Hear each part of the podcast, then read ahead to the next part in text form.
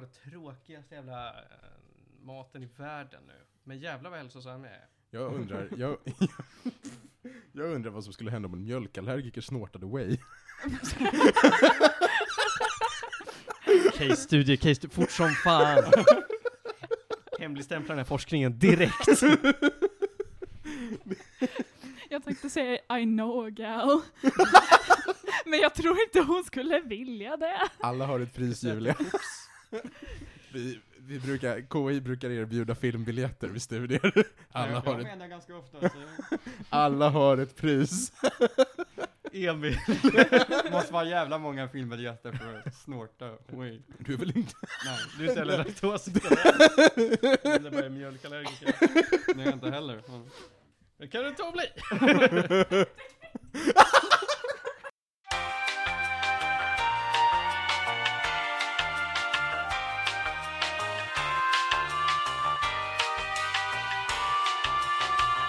Hörni, på ett helt annat tema så har jag märkt att jag börjar få svårare och svårare i mitt liv att undvika TikTok. Mm. Ja. Vem det kunde går inte att komma runt det. Nej. Kina kommer in i mitt hus och säger titta på det här. Och jag säger nej. Vad säger Kina då? Jo. Nu säger Kina, K-bry. Inte bara är det ju hela världen och, och mer därtill som använder skiten, utan det ska också vara att nu, nu börjar jag, alltså nu går det inte att undvika de här Facebook-shortsen heller. Nej. YouTube shorts, mhm. Instagram, hej hå, mhm. Och så Facebook då i samma veva såklart. Och så ska man leva med verkligheten av att exakt alla de där är ju bara reposts av TikTok. Ja, Ja. precis, visst är det så. Ja. Och nu ska du och jag gå på TikTok-gask. Eller vi tre ska gå på Mm. TikTok-gask. Ja, om jag får en biljett. Ja, om du får en biljett. Är det en TikTok-gask? Det är tema TikTok. Jag är så redo! Ja men då så, kul för dig. Det kommer vara väldigt cringe. Det kommer vara tok-cringe. För att det är liksom så här, TikTok är ju väldigt specifikt i att algoritmen gör att man har väldigt specifika For you-pages. Majoriteten av de där inne har ju troligen samma sorts For you-page, och den är väldigt cringe, Ska- kan jag anta. Ska man gå efter min For You-page måste jag dyka upp som en e-girl. Jaha, det finns porr på TikTok? ja, så är det det? det There, är då... there are! Nu kommer det. Det finns väldigt mycket porrreklam på TikTok. Okej, ja. Fan, är Det så... finns väldigt mycket porr, punkt. Ja, är det Mm. sant? Ja, men då ska vi se om jag hittar den appen någonstans.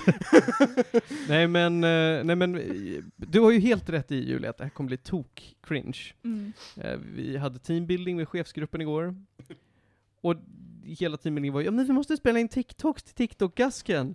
Och jag bara gick och satte mig någon annanstans. Jag gick och satte mig, och hör och häpna, jag lekte med en hund.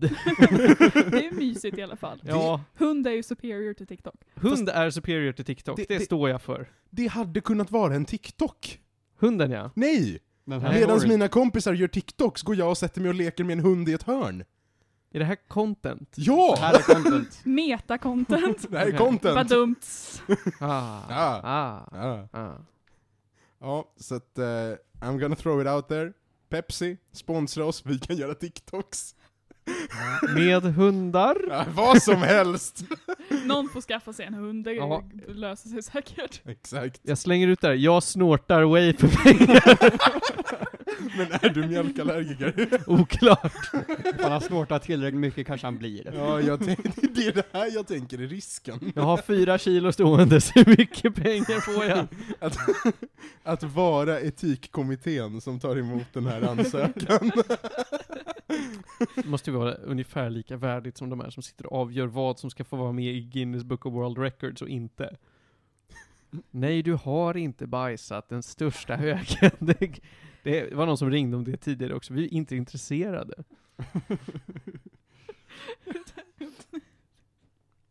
Jobbet för de som måste kontrollmäta det här. Ja, eller hur? Ja precis, allt måste vara bevittnat. Mm. Allt i Guinness måste vara bevittnat. Mm. Man måste alltid ha med sig någon när man skiter. Åh, herregud. Bara när du känner, nu är det rekorddags. I'm feeling it. Det hade varit min undergång. Ja, men- I don't wanna be perceived. Jag vill, alltså, så här, är det en plats på jorden där jag vill låtsas som att jag är ensam? Där du vill låtsas som att du är en. Jo men, nej men verkligheten är, verkligheten är att på andra watching. sidan toalettdörren finns civilisationen. Han är, jag- inte, han är inte helt ensam, för han har både TikTok och Kina med sig. Winnie the Pooh sitter och tittar på mig. Men, men, men är det någon plats där jag vill att det inte ska finnas civilisation på andra sidan dörren, då är det ju på dass. Så att fatta att liksom ha ett vittne med. Du har nu upptäckt koncepten med utedass, hör jag. Nej, då finns naturen. Som en viss man beskrev det här Panos. Rätta mig om det här känns fel för dig nu. Det ska vara tyst, det ska vara varmt, och det ska inte vara någon där, utom möjligtvis Ulf Lundell. Åh, herregud! Jag, jag såg vart det var på väg. Och jag är aldrig redo. Alltså hur ser jag vill ha sex? Med Ulf Lundell ja, på en brygga. På en brygga. Det är på sommaren. Ehm, nej men, ehm, nej ytterdass är inte heller min grej. Jag tänker, jag tänker, den perfekta toalettbesöket hade nog varit efter apokalypsen. När du går runt där, why the last man? Nej, då finns det ju kvinnor. Eh, ja. Men, men det här är I också... am legend. Precis ja, där har vi det. Det är jag och hunden. Ja. Men, Där kan du göra TikToks. men, men det jag inte förstår är hur kvinnokodade individer klarar av att gå i trupp. It's not a big deal. Men varför? men hur? Och hur många, hur många Guinness World Records har missats där inne? hur, hur som, kan, kan vi lämna toaletten? Ja, det är du som ville prata om det. Men Tyst. Och påbörja vi, avsnittet. vi, vi påbörjar avsnittet. Är det här alltså introt kommer? Är det på den här noten? Vill du berätta om konserten du var på? Du, det kan jag jättegärna göra faktiskt. Jag, jag var ju, jag har varit på två konserter. Va? Ja, visst. Sen vi spelade in sist så har jag varit och sett två artister. Eh, Jag har sett Tati Freyr, eh, spela på Nalen. Åh. Det var riktigt trevligt. Det var första gången jag var på Nalen. Vilken otroligt vacker eh, lokal det var. Ja, ska du sätta dig och bildgoogla det här nu? Det, det är värt att göra. Jag har varit på Nalen. Jag vill bara se om det finns en playlist eller något. Mm. Mm. Eh, nej men han var, han var jättebra. Eh, det speciella är ju att han är ju egentligen bara en snubbe, han är inte så mycket av en artist. Så han hade de mest underbara mellansnacken. Jag ska se om jag kan imitera honom. Uh, for the next song, Eh, I'd like you to have uh, a lot of fun. Or don't. Don't let me tell you what to do. det var mycket den. uh, everybody give it up for Ylva. Ylva is here, my Norwegian friend. Uh, I will try to talk a little Swedish, but my Swedish is Norwegian because I spend a lot of time with Ylva. Sverige, ni är bra.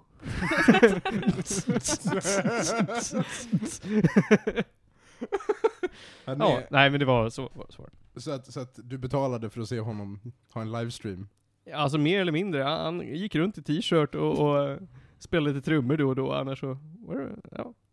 Jag är, det finns en anledning till varför jag är upprörd över att Eurovision 2020 ställdes in. Och det är han. Ja men det är Mm. att han inte fick vinna. Han vann ju på papp. Alltså. Jo, Men han vann ju inte. han nej, fick, alltså det, det är inte samma sak alls. fick inte åka Mm. uppträda och vinna. Nej, Nej. nej. Han hade ju vunnit. Ja, Ja. 100 procent. ja. Men är han bara en ensam artist, eller har han någon sån här backup-band som står bakom och... Ja, beror på hur man ser på det. Han, han är en ensam artist som gör egen musik, men ofta samarbetar han med, med lite andra musiker, både på Island och eh, utanför. Men han har ett gäng med sig som, vad fan heter de? Gagna Magnid. Sure. Gagna. Magnid. Jag vet inte om inget uttalas så som jag tänker mig på isländska, så att det var säkert fel. Ja. Ja. Ja men det, är- det är de som han uppträdde i Eurovision med, Mm. det var liksom Tati Freyr och hans backup-artister. Det är lite hela, hela gänget som gör deras stage presence så cool. Precis. Att bara han ska stå där ensam känns ju inte som en... Jag förstår vad du menar, men här, han är ju inte cool. Det är ju med folk som han är cool. Nu är han ju mest en snubbe, Mm. och det var väldigt gulligt. Han är ju liksom fyra meter lång. och glider runt i en kritvit t-shirt och bara, nej men fan det Har, har, någon ska vi ha lite Guinness, roligt grabbar. har, har någon från Guinness bevittnat hans längd? Nej, det var fullt. Fick ingen biljett till konserten. Det var också jättekul när jag stod i kön till den här konserten, så var de framför mig, de bara 'Fan hörni, vem är det av oss som har biljetterna?' Biljetter? Nej vadå? Har vi köpt biljetter? så pratade de en stund och bara 'Nej det var ingen som hade köpt biljetter' De bara tänkte gå in eller? Ja, så att de gick ur kön, och sen, eh, alltså när de kom fram, de bara 'Biljetter? Nej vi har inga, okej då får ni bara gå ut' Och så när jag gick ut från konserten, då så var de, då hade de kommit in! så vad fan? Det, det känns lite som, det är den sortens personer som dras till hans konserter, får jag av den bilden. Ja men verkligen, verkligen. Men det var så, jag fattar inte hur de kom in för det var ju utsålt. Det kan ju varit så såhär, åh nej men eh, det var några som inte kom så fan, kom in då. Det Ja, det var så Det är inte in. så det funkar. Jag tror inte att det är så det funkar, men kom på en annan anledning. det, det, det skadar inte vara där och fråga, så liksom. Men det var typ den känslan jag fick, de bara, men fan vi står väl här då. Eller så, eller, För de gick ju inte därifrån när de hade klivit ut. eller så ringde de typ Tixter eller vem det nu är som säljer och så bara, ja men ni kan få våra förstfödda. För det är ungefär så det kostar. De köpte på resale. Ja. Eh, Tradera eller något. I Ja. Nej men säkert, de hittade väl säkert något. Säkert. Men det var en härlig konsert. Sen så i måndags, nej tisdags, i den här veckan, då var jag och såg Tool på Globen. Eh, tillsammans med CA. Det var jättetrevligt. Eh, jag tycker att, om jag, om jag inte har helt fel så hette hon, det var en recensent på Aftonbladet som recenserar bättre än vad jag någonsin kan. Men jag höll med henne till fullo. Sofia Jakobsson tror jag hon hette. Eh, hon beskrev det som att ja, musiken var jävligt bra, men jag zonade ut hela tiden, så jag har lite svårt att bara komma ihåg vad som hände. Men det var bra, alltså de var ju superduktiga. Alltså det hela bandet bärs ju av deras supertajta trummis och deras basist.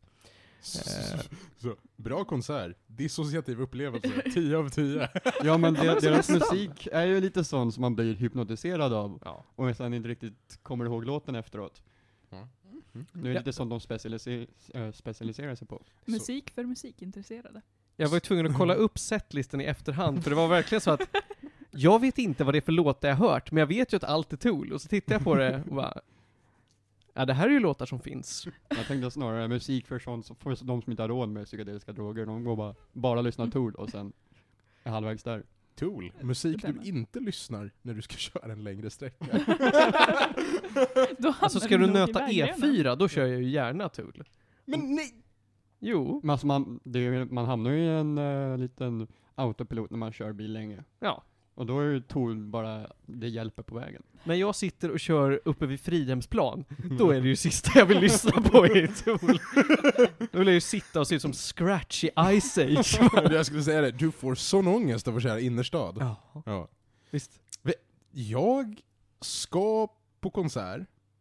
Jag ska dels på någon, någon form av väldigt, väldigt mysig, deppig eh, grunge metal någon gång nu i maj med några kompisar. Det är någon konsert jag bara följer med för sällskapets skull. Men jag ska på Tour of the Beast, Iron Maiden, på Olympiska stadion i Aten den 16 juli. Hoppsan Kerstin. Jag tror nog det. Sist jag var på Olympiska stadion så kollade jag på The Wall, Roger Water. Och eh, Olympiska stadion rymmer ju 80 000 människor. Så att det är så här, allting man gör blir ju en gigaproduktion. Mm. Ehm, så jag är ganska taggad. Hur stor är den olympiska stadion i Aten? Återigen, 80 000 människor. 80 000 människor. Vad är Det- det jämförbart med? Det vet jag inte om vi har en arena på i Stockholm. Ah, Okej. Den största är väl Friends, och den är väl 50 eller 60 tror jag. Ja, jag tror det. Shit pommes frites. Ja. Ja, så att det är stort. Eh, och det blir, alltså det blir spektakulärt, och vi har biljetter längst fram, ståbiljetter såklart. Eh, och jag hoppas personligen att det blir utsålt. Det kommer det inte bli, för de var osedvanligt dyra för en konsert i Grekland. Mm. Ehm, Roger Waters hade jag gått på, då betalade vi 60 euro för Golden Circle. Det är typ vad biljetter brukar kosta i Grekland. Nu har vi väl betalat 100 euro var. Bruh. Ja, ja grekerna är nog inte jättenöjda. Mm. Jag har en fråga. Jo. När i maj är det du ska? För att jag ska också på konsert i maj. Vilken ska du på i maj? Normandy. Nej, jag ska inte på Normandy. Okej. Jag ska på något annat jag knappt känner till. Det lät bra. Jag fick lyssna på två låtar på Spotify. Och de bara 'Kom med, det blir kul!' Och jag bara 'Okej' Har du ett namn? Jag har inte det, jag ska jobba på det, jag lovar. Jag återkommer.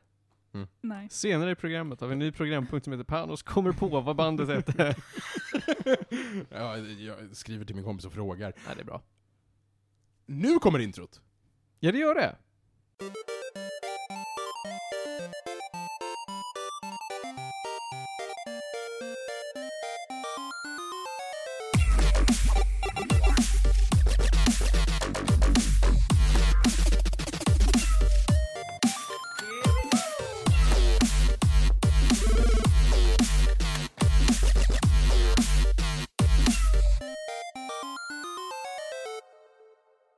Hörrni, det är avsnitt 89 av Medis Radio, den underbara podcasten om all typ av möjlig fin och ful kultur. Det är valborgsmässoafton. Grattis till oss. Ja, kul. V- Vem är det som fyller år idag? Jo, det är kungen. Det är konungens födelsedag. Vår käre Knug. Ja, visst. Knugen. Eh, på väg hit så gick jag ut ur mitt hem. Och då har någon idiot bränt något olämpligt i brasan nära där jag bor. Så hela närområdet luktade ammoniak. Oh. Ja, kattpiss. Mm. Hela Västertorp luktade kattpiss. Nice. Vad är det folk inte förstår med att brasa är inte liksom... Man det slänger ved där. Ja, Slänga lite precis. bildäck. Inte soptipp. ja, nej. Ja, det är valborg ja. Ja, ni kan ju lista ut vem det är som sitter här. Ja, det är ju Panos Tetufexis. Mm. Och så har vi ju Julia Terstol Backlund. Ja, hallå. Och Emil Erlandsson är här. God dag, god dag. Ja, det var ett tag sedan nu. Men det är alltid lika kul att ha dig här. Favorit i repris. Ja, visst. Vi har lite allt möjligt spännande att prata om. Vi ska prata spel, vi ska prata musik, vi ska prata film också. Och bok. Titta där. Eh, Panos, du och jag har spelat Trine 4 tillsammans med Ludvig, som brukar vara här ibland. Brukar eh, ta i. Det, det händer. Mhm. Han är här, han är trevlig ibland, vi spelar spel ibland, det är också trevligt. Mm. Mm. Jag har sett lite Pixar-filmer, som jag ska prata om. Ganska kort tror jag. Vi alla har sett de här Pixar-filmerna antagligen. Panos, du har snart spelat klart Cyberpunk 2077 och vill ge några kommentarer från din upplevelse. Ja men jag sitter ju och duttar efter, jag är klar med main storylinen Mm. och sitter och duttar fortfarande. Så jag är praktiskt sett klar. Ja, det är bra. Mm. Du får säga vad du har att säga, men vi har ju redan recenserat det här. Julia, du har sett på stand-up. Jo, det har jag. Du har sett X med Daniel Sloss. Indeed I have. Och Emil, du har lyssnat på ljudbok. Ja. Percy Jackson-serien. Bara lite snabbt, hur många böcker är det i den serien? Är det en fyra kanske? Det är Eh, fem böcker fem. och jag är nu, nu halvvägs genom den fjärde. Sen så Okej. är det typ fyra andra serier efter det. Ja, han har skrivit mycket i samma universum.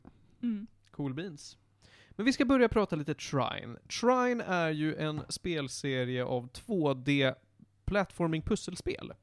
Som är co-op-baserade, eh, och det här var då fyran som kom ut förra året vi har spelat. Ja men det gjorde den väl. När kom ettan ut? Det kan ha varit typ såhär 2009, Alltså, Mm. de har kanske. hängt runt länge. 11, så Nej men det är 2009. Det Nio. är nog 2009. Ja, Ja. ja, det är länge. Eh, Men alla är ju väldigt lika varandra. Det här är, det här är mycket... Det ska vara roliga pussel, mysigt att spela tillsammans. Ursäkta, jag måste rapa lite här borta. Mm, ehm, nej men precis, det är, alltså hela poängen är ju att man ska ha kul. Och... Eh, Sådär som man gör med spel. Vad sa du? Sådär som man gör med spel. Det gäller verkligen inte alla spel. Nej, det finns ju också Factorio. En liten disclaimer. Not all games. Det finns, det finns spel vars syfte är att göra en miserabel. Ja, absolut. Jag låter det hänga. Ja. Ehm, nej men, eh, framförallt så är det så här, man ska ha kul tillsammans. Det här spelet får mig att tänka på The Cave. Det gör det verkligen. Om Cabe hade varit i ett ordentligt fantasylandskap. Därför att du spelar ju som en trollkarl, en jägare och en... eh, Du är inte en jägare, nej, du är en jägare. tjuv. En tjuv, förlåt. En tjuv och en eh, riddare. En riddare, ja. Ja. visst, Som ska ta er runt på olika äventyr genom att gå från vänster till höger. Ja, och jag tänker Cave, Trine, side-scrolling, små, små pussel. Mysigt! Mycket mysigt. Men vad är det som skiljer spel så som The Cave från Trine? Förutom att de inte är lika, lika linjära. The Cave är ju ganska olinjärt på det sättet att, att eh, det, för det första går det inte bara vänster till höger, och sen så eh, är ju pusslerna mycket en hubb där du löser pussel.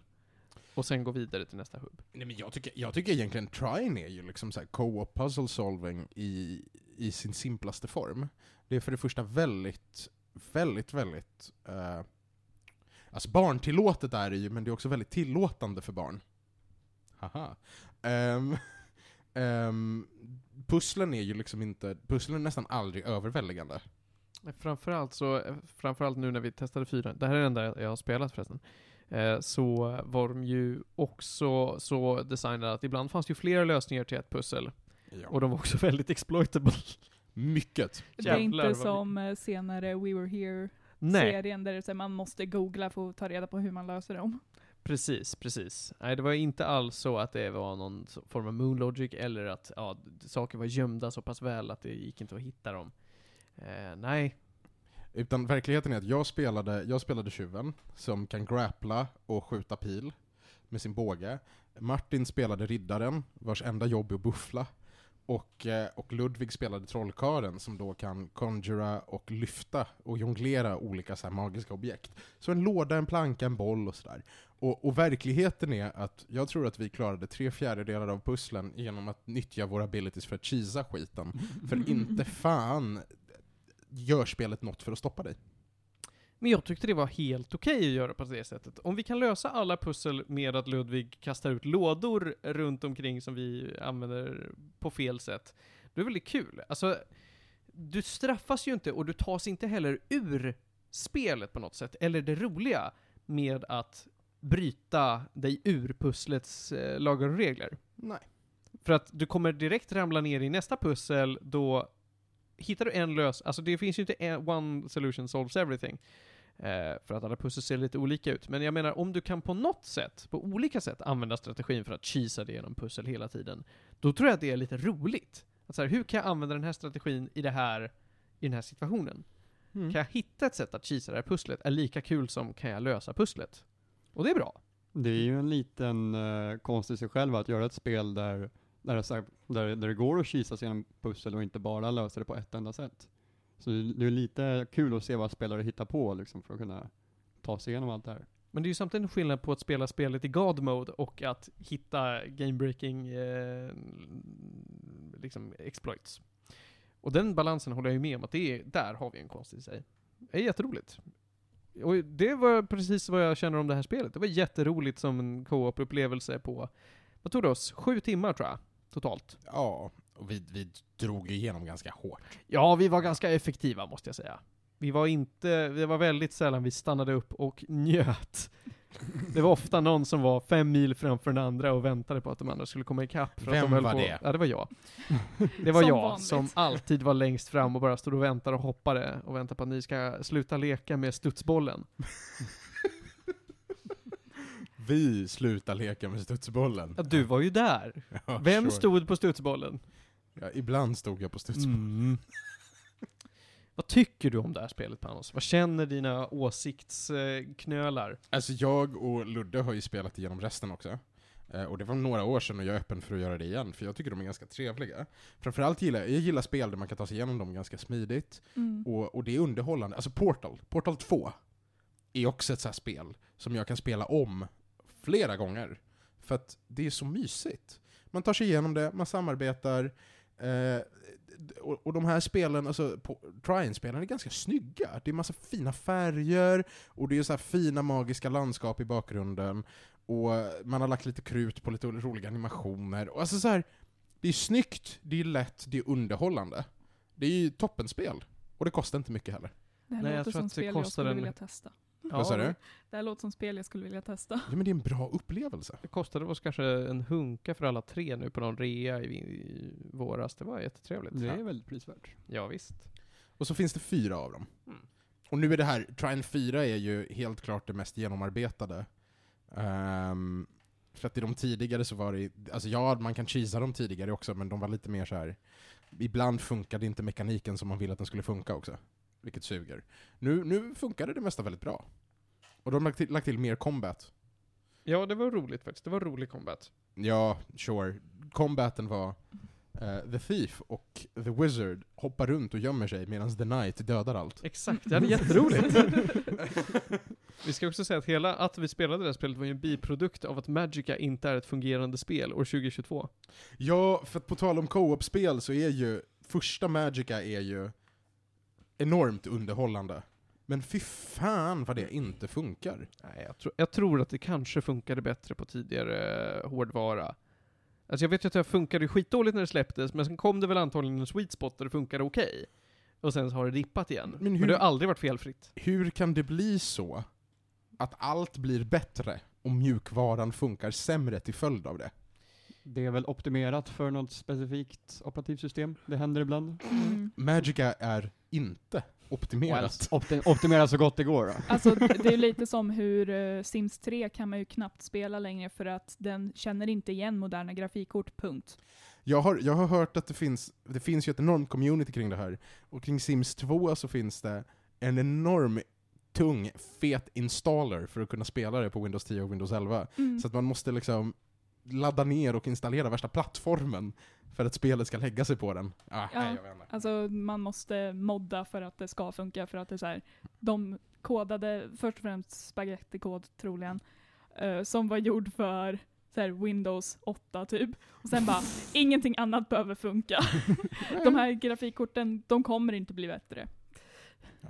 Men li- Produkter av sin tid. så Mm. vi ska spela Magica, och det betyder att vi ska släppa in fyra datorer i ett rum och, och göra en daisy chain av LAN-kablar. Det är typ som man måste spela det, annars så funkar det inte. Men, eh, ja. Så det, det säger vi helt enkelt att, vill ni försöka spela Magica, spela Trine istället så kommer det funka i alla fall. Ja, jag tror Ludvig höll ju på att få mången, mången, eh, alltså sammanbrott för att han, för det första ville inte han spela Magica. Det var en dålig bra. start redan där. Ja, ja. Men, Men vi, vi fick en trevlig kväll till slut. Jag behöver, jag behöver dock säga det. För vid någon punkt för ett par år sedan, eller några år sedan, så gjorde Ludvig en, en hardware upgrade. Ehm, och när han gjorde den så var jag så här: du borde verkligen installera Windows på nytt. Och han var så här: nej!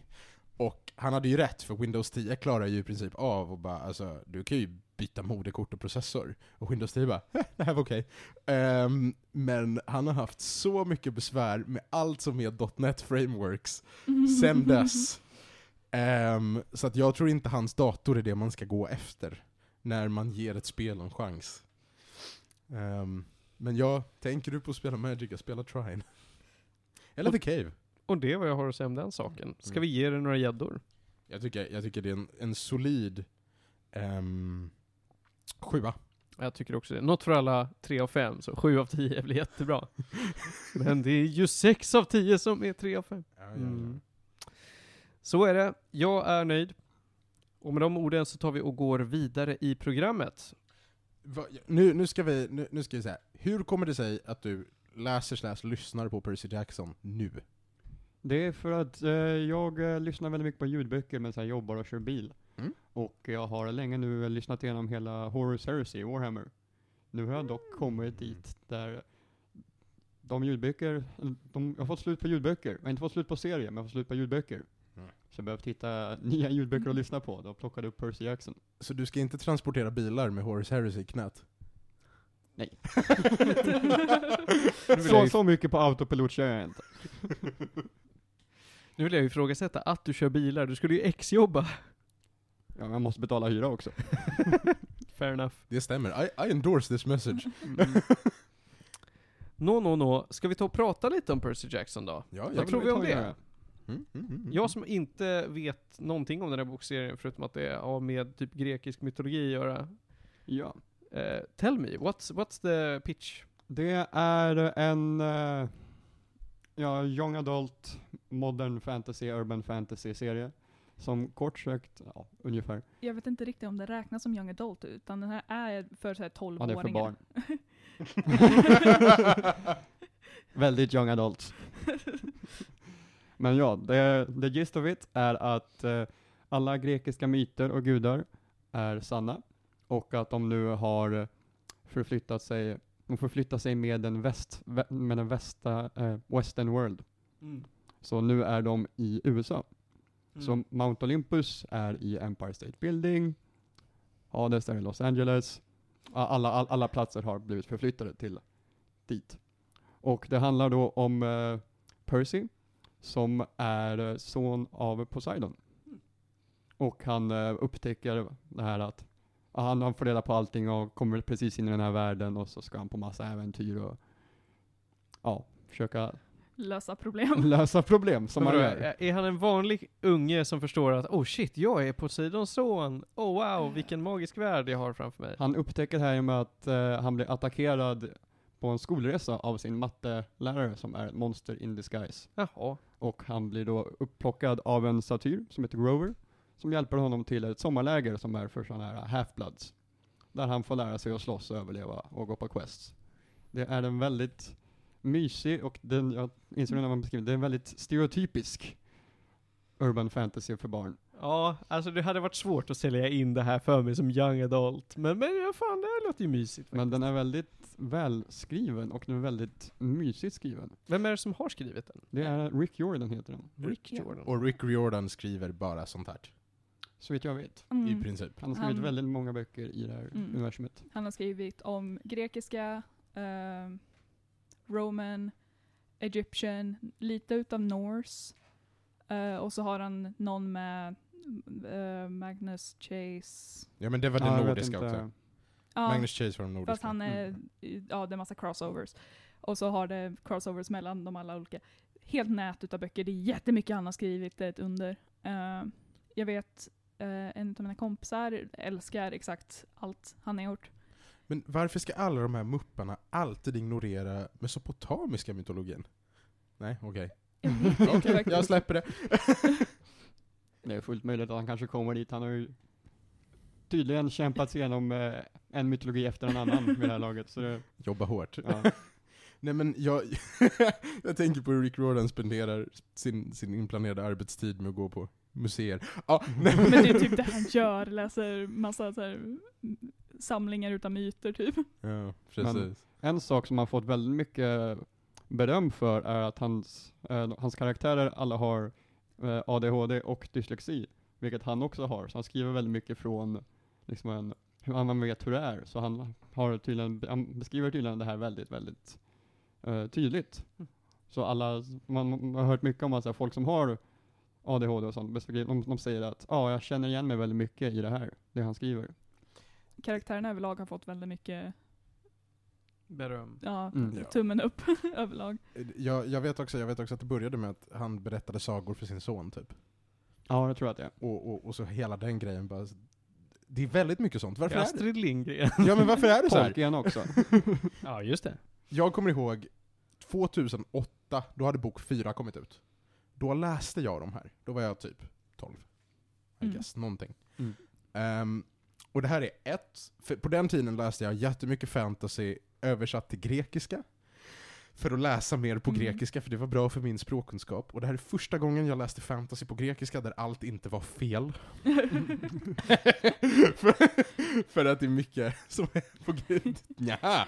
Och sen, sen vet jag också bara att i den åldern så var det väldigt sympatiskt med en mattelärare som förvandlas till ett monster. Mm.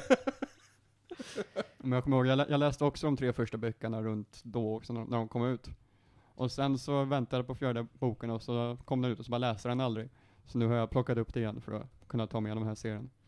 Mm, jag läste också de första tre böckerna, inte när de kom ut för då var jag barn. Eh, lite för mycket barn för Percy Jackson tror jag. Ehm, men jag läste dem någon gång i mellanstadiet typ. Eh, riktigt mysigt. Också en sån här sak när jag bara åh jag älskar de här böckerna och sen bara jo, lät jag aldrig klart det. Ehm, så jag skulle jättegärna vilja komma igenom. Kommer ni ihåg filmerna? Ja, jag och vet det att de gick suger. på bio, men alla Oh. sa, vet du vad? Läs böckerna istället. Och jag sa, maybe Mm. if I find them, och så gjorde jag det aldrig. De är inte Fil- särskilt faithful adaptions. filmerna är så dåliga. Har det inte kommit filmer i flera omgångar också? Nej. Det finns Nej. två filmer. Mm. Okej. Och så var det bra med det, och nu ska det komma en serie. De, eh, de tryckte, att de kändes väl väldigt färdiga med andra boken för eh, the big bad i hela serien är titanen Kronos. Och eh, i andra filmen så bara dyker han upp och får stryk och dör. Och Så så, de- blev Och så var alla färdiga med lyckliga. det. Så det var så här, de kunde inte riktigt fortsätta för att han ska komma i senare böcker liksom. Eh, Oops. så det var lite såhär bara, oj vad gör vi nu? Inget. Eh, sen så var det väldigt mycket, alltså folk klagade mycket på att de hade uh, åldrat upp alla karaktärer, för hel, alltså karaktärerna är ju typ 11-12 i Ja. böckerna och så gjorde de dem till så här typ 16-17 bara för att det skulle kunna vara lite ho, ho, ho, hot people typ I guess. Och så var det vuxna som spelar dem såklart. Det var det. Det är väl lite enklare att hitta kända skådespelare som är 25 än som är 12. Ja. Så. Det är jättefair, absolut. Det, det köper jag Eh, ju. Men det gjorde också att mycket av temat bakom funkade inte riktigt. Ja, det är väldigt mycket om att han just växer upp. Han är 12 i första boken och sen utspelar sig varje bok under ja, en sommar, så han är alltid ett år äldre i varje bok. Kan vi, kan vi bara snacka om, så här. Sean Bean spelade Zeus. Mm, Amazing. Dog han? det var... Nej, nej. Det gjorde han inte. inte i den här. Um, Pierce Brosnan spelade Centauren. Ja, Åh, Ja, det gjorde Alltså, Pierce Brosnan. det var en bra casting Hot people. Fantastisk casting. han. Han var väldigt passande i den. han, han är bra som häst. Mm. Och, och, och, sen, och sen är det här också filmen som bär ansvar för allas våran favorit, Alexandro Daddario. Som vad? Ja, det här, det här är hennes första... Snygg person, punkt. Ah, okej. Sen har hon inte gjort, vad hon, hon har spelat, hon har spelat i True Detective. Hon spelar bruden han ena konstapeln är otrogen mot sin fru med. Alltså det är typ såhär, det finns inga, det, det är ingenting. Det var bara så här. hon spelade i den här, alla bara oj vilken snygg människa, och sen blev det såklart inget mer av det, för det är det som händer när man spelar i barnfilm. ja, och inte spelar jättebra heller. Vad har de andra, vadå? L- Logan Lerman som spelade Percy Jackson har gjort inget. Jag, ko- jag kommer inte Nej. ihåg någonting. Det är inget namn jag känner igen alls. Brandon T. Jackson som spelade eh, Satyren har kanske gjort någonting. Ja, han var, alltså han var ju typ the highlight. Han var riktigt rolig i filmen. Han var, han var bra castad, även fast han Mm. var 25 istället för 12. Så. Ja. Men alltså böckerna är, böckerna är mycket mer, alltså böckerna är bättre Ja. än exakt varenda sekund av det där. Ja. Alltså på alla sätt. Eh, Det var ju mycket, Rick Riordan fick ju inte vara med mycket i skapandeprocessen utav filmerna, så är därför det gick så dåligt. Så eh, han har ju varit väldigt strikt med att ah, men om det ska bli någonting, liksom en serie, en film eller någonting, då ska jag vara med. Punkt. För att ni fuckade upp så mycket första rundan liksom. Och nu har de något på gång. Nu är Ja. han med väldigt mycket i, i serien. i alla fall. Eh, jag vet hans Instagram släpper ut så här, casting och tidbits och sånt. Jag har inte hållit koll på det, men det verkar som att de kör faktiskt med 12-åringar nu. Ja, och det här, det kommer vara en Disney Plus-serie, Mm. ser det ut som. Och det här var också en sån här rolig grej, för jag har inte stött på Percy Jackson på typ 10 år då. Och sen så första gången jag gjorde det på länge, det var på Twitter. För det var någon som kommenterade på det här att nu kommer den amerikanska publiken faktiskt behöva bevittna 12-åringar som dör i strider. Mm. Ja, det dör par barn lite då och då i, det här, i den här serien. För alla, alla de, Andra barnen på sommarlägret. ja, men, all, all, alla de relevanta hjältarna är ju också barn på sommarläget. Och det är lite oklart vad alla vuxna hjältar är. I mina fyra böcker har det dykt upp en vuxen hjälte än så länge. Så Ja. det är bara de som är med och strider och på, går på quests och dör i strid. Ja. Jag vill också säga, Uma Thurman som Medusa. Just ja, det var en Mm. grej. Ja, jag vill påminna. Men ja, och det här, som sagt Emil, det här är ju varför man kallar Rick Riordan för, för barnens George R. R. Martin. Det är, det är ändå en ganska städad bok med tanke på att det är ändå grekisk mytologi vi pratar om. Det är aldrig, Det är, det är inte aldrig- Zeus som går och ligger med en häst. det kanske han gör, men Implied. Ja, det, det syns aldrig. alla, alla, alla halvgudarna är ju faktiskt direkta barn av gudarna, så Mm. de, de dyker upp lite då, men det, det verkar, all, all, allting verkar vara consensual i alla fall, i det här. Och då har Rick Jordan gått in och sagt det, alltså han har sagt äh, det, att jag skriver ju för barn, jag vill ju inte skriva om Zeus som går och jagar lite flickor som inte vill vara med. Mm. Som är Zeus. Mm. Ja. Mm. som är Zeus. Ja, ja nej men, det är kosher. Mm. Men eh, bara en sista grej som jag är lite nyfiken på då. Alla de här andra kidsen på sommarlägret, är det skapade karaktärer eller ska det vara liksom Ja men det här är moderna tidens Persevs eller Odysseus Nej. eller något sånt där? Nej, all, alla, det är bara alla är, det är nya karaktärer. Okej. Det, men det är väl, väl, väldigt många mytiska karaktärer som dyker upp, och speciellt de monster. Men allt Mm. är liksom, de, är, de har- de har anpassat sig till, eh, till nutiden. Till exempel Hermes springer runt med mobiltelefon istället för att liksom leverera scrolls och allting sånt. Och alla gudarna klär sig i normala kläder väldigt ofta. Och alla monster ja, har också anpassat sig till, till nutiden väldigt ofta. Så det, Okej. Ja men då så. Så all, allting har en nutida spin på det. Mm. Bara att höra det här gör mig ju inte mer sugen på att ha med Percy Jackson att göra, utan det får ju mig bara vilja se mer av American Gods. Eh, Helt orelaterat, men jävlar vad jag... Det måste jag ta och göra. Ha, hörni ni. Jag hoppas att du har eh, fortsatt kul med att läsa eller lyssna på den här bokserien helt enkelt då. Ja. Och jag antar att ni båda kan vara överens om att man ska skippa och se den här gamla filmerna. Så får vi Ja. se vad som blir av Alltså det Disney enda, Plus-serien. det enda som är kul med första filmen är ju Hades som är en rockstjärna. Ja, ja, jag tänkte ta och titta på dem nu efter det här och se hur, hur dåliga de faktiskt är nu igen, men Titta på dem och var besviken. ja. Men det är kul ibland. På tal, eller är det här på något sätt någonting du vill ge gäddor, eller vill du bara prata om det? Ja, jag, kan, jag kan ge den uh, fyra av fem gäddor faktiskt. Det är en riktigt bra serie tycker jag. Mm. Ja men trevligt. Man kan också, kommande, killen som ska spela Percy Jackson, 12-åringen, spelar i den nu aktuella Adam Project på Netflix. Ja, ja. oh, Ja. oh Ja, så, han. att- så att det går att se honom. Han har typ inte spelat i något annat. Kan man få, Mm. få en sneak peek på Man kan få en kan sneak göra? peek, ja. Eh, spoilers, det kommer vara en 12-åring. Oh. Okej, eh, men jag är lite nyfiken då, på tal om, eh, på tal om, fan, nej men jag tappade segwayn, fan. Skitsamma. Vi, vi har fått mer av Lore Olympus! Ja, just ja! Ja! Vad? Vi båda. Ja. Eh, den 23 kom det ut. Jag, har, jag betalar för episoder. Varför? Eller jag, jag får massa gratis coins för att jag är inne på. Webtoons hela tiden så jag har inte betalat för den men jag Man fastpassar. pratar nu om en webcomic. Ja, Okej, förlåt. så jag var lite lost här. Som handlar om grekisk mytologi. Ja. Det finns modern relevans spin. här. Ja. Ehm, det ser riktigt bra ut än så länge. Jag håller med, jag håller med. Det är bara trevligt, det kom mer! Mm. Jag trodde inte den här dagen skulle komma. Ja, Okej, jag vet att den här dagen skulle komma. Men ja, det kom mer. Det jag tänkte försöka segway över är att jag vill ha Emils åsikter om den vad fan var det vi sa? Att Den den var... makalöst bra filmen Morbius. Nej men vad sa vi? Morbius. Provocerande dåliga. Filmen dålig. Dåligus. Vi, vi, Dålius, vi, vi pratade om den i din frånvaro. Jo, jag, jag, hörde det. Ehm, vad tycker du? Ja, den, den, var, den var lite provocerande att se faktiskt.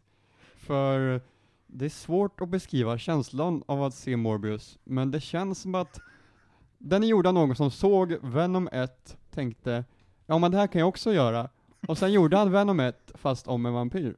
Och sen glömde han bort att göra resten av filmen. För den har väldigt mycket samma dåliga känsla som Venom 1. Mm. Jag gillar samma- ändå Venom 1. Nej. Men, men, Nej. Nej det gör du inte, lägg av! det fick jag inte, okej. Nej, men allt, allt som är dåligt i Venom-filmerna har, är med i Morbius, fast Inget Amplified. Ja. så det är suddiga, konstiga stridsscener. Det är in, med, med små korta inslag av slow motion så man kan se vad som händer. Det är tråkiga karaktärer som inte har någon riktig motivation eller ja, som inte gör så mycket. Det är konstiga love stories som bara dyker upp att nu är det dags, nu är det i den delen av filmen som det är dags. på. Jag hatade den Men det var biten då, så här- de ska ligga på tak av No- ingen anledning no alls. kiss. Ja, men det var så verkligen. här, de kom fram till att ah, nu börjar tredje akten, ah, då är det dags för en kyss. Det, det måste vara med i, tre, i början av tredje akten, så nu, nu, nu ska de kyssas. Okej, nu är det över, nu går vi vidare till nästa scen. Det kändes som de alltid Mm. hade väldigt bråttom att tryck- trycka in alla, ja, alla punkter som de ville ha med i filmen. Och sen inte riktigt hade tänkt så mycket mer än att det här måste vara med, det här måste vara med, det här måste vara med. Hur får vi med allt det här? Klart. Det, det, är också, det är också så här, det som räddar upp Venom lite grann som en bioupplevelse, för jag såg den ändå på bio, det är Tom Hardy som spelar mot sig själv. Ja. Alltså det är ju Mm. det som är värt med den filmen. Venom har åtminstone lite humor och Tom nu- Hardy som är lite unhinged. Ja precis. Tom Hardy är det som gör att, film, att Venom faktiskt är sevärdig, tycker Den jag. här har inte någonting ens nära det alltså. Ingen karaktär hade någon karisma alls i Morbius. Alla var tråkiga. Bra! Det var det jag ville höra! Då har vi fått, ja men då känns det bra för mig att du ändå fick vara med och säga det här. Ja, den är sevärd som ett spektakel. Den är so bad it's good, but only once. Mm. Och, och vad borde vi ha gjort med de som applåderade? De som applåderade filmen, tycker jag. Ja, de skulle få se den igen tycker jag. Jag ville att du skulle va- svara, vi ska spöa upp dem. Men det här var bättre. Det här var bättre. Det är straff nog. Ja, det är bra. Hörni, vi ska fortsätta på film, eh, filmspåret. Därför att den här veckan så har jag varit lite sjuk, och då har jag legat hemma och kollat film. Och vad har jag sett då? Jo, jag har sett de fantastiskt eh, skumma filmerna Frozen 2 och The Good Dinosaur. Eh, va? Jaha. Det är två, Filmer. två eh, rullar som jag, jag bestämde för att det här kan jag glo på. Det här är två rullar jag bestämt inte har sett. Ja, Mm, här samma är, här. vet du vad? Jag har sett Det här- Frozen 2 i alla fall. Det här är två rullar ni inte behöver se. Eh, om vi börjar med att prata om The Good Dinosaur. The Good Dinosaur känns som en kortfilm som någon sa, nej men vad fan, kan inte förgöra långfilmen då? Och de sa okej då. Jag trodde det var en Pixar short. Ja, Jag trodde också det. det är det inte. Det är 90 minuter rulle. Hjälp mig. Eh, som känns mer som, alltså jag funderar på om det här är någon sorts tech-demofilm som de bara, ja men det här kan vi göra pengar på. Jag behöver läsa på om det här ordentligt, för jag har bara spekulerat jättemycket när jag såg den här filmen. Eh, The Good Dinosaur handlar om en värld där eh, den stora kometen som utrotade dinosaurierna, den kom aldrig, vilket gjorde att dinosaurier levde kvar som någon sorts eh, samling av, av eh, samling av, av eh, vad ska man kalla dem för? Raser. Det känns så konstigt att beskriva det som det är. Folkslag. Ja. De Sure. blir avancerade. Nej, de blir Nähä. inte avancerade. Världen går inte framåt. För att det är så det funkar. Ja. Så det är bara dinosaurier? Det är, nej, vi kommer till det. Men vi, det är liksom, det utspelar sig nu, som världen ser ut nu med kontinentalplatteförflyttningar, men det är fortfarande så att samma jävla dinosaurier som var här för, för x antal miljoner år sedan är kvar än idag. Så det My handlar om, från olika perioder också. ja visst, ja visst, ja visst. Eh, alla lever ju kvar, så att även fast de kommer från olika perioder, så är det liksom ingen som har försvunnit. De har ju bara Mm. differentierat sig. Evolutionen stanna. Ja men det kan man väl säga. För att det är så det Ja men jag, funkar. jag vet inte, det här är en jävla Disney-rulle, vad ska jag göra? Jag kan inte sitta och försvara den här Vi, filmen. vi vill ha consistent wordbuilding från det här. Det är det vi förväntar oss av Disney-rullar. Vi befinner oss någonstans i vad jag, eh, vad jag bara satt och tänkte, det här är North Dakota.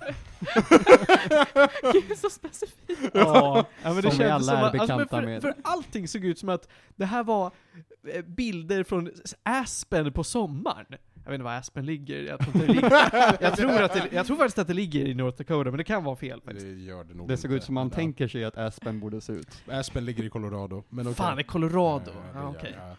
Men det är kvittar. Ja. Spelar det någon roll? Nej, det gör inte.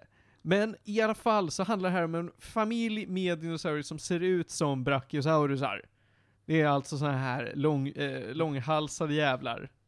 Ta en giraff, säg att din dinosaurie är kolig Mm. till dig. Det är inte brachiosaurusar, men okej. Men det, se, det finns så många som ser ut så. Det finns jättemycket dinosaurier som ser ut sådär i olika former. Är det en långhals uppåt eller en långhals framåt? En långhals uppåt. Då är det väl en Brachiosaurus. Ja.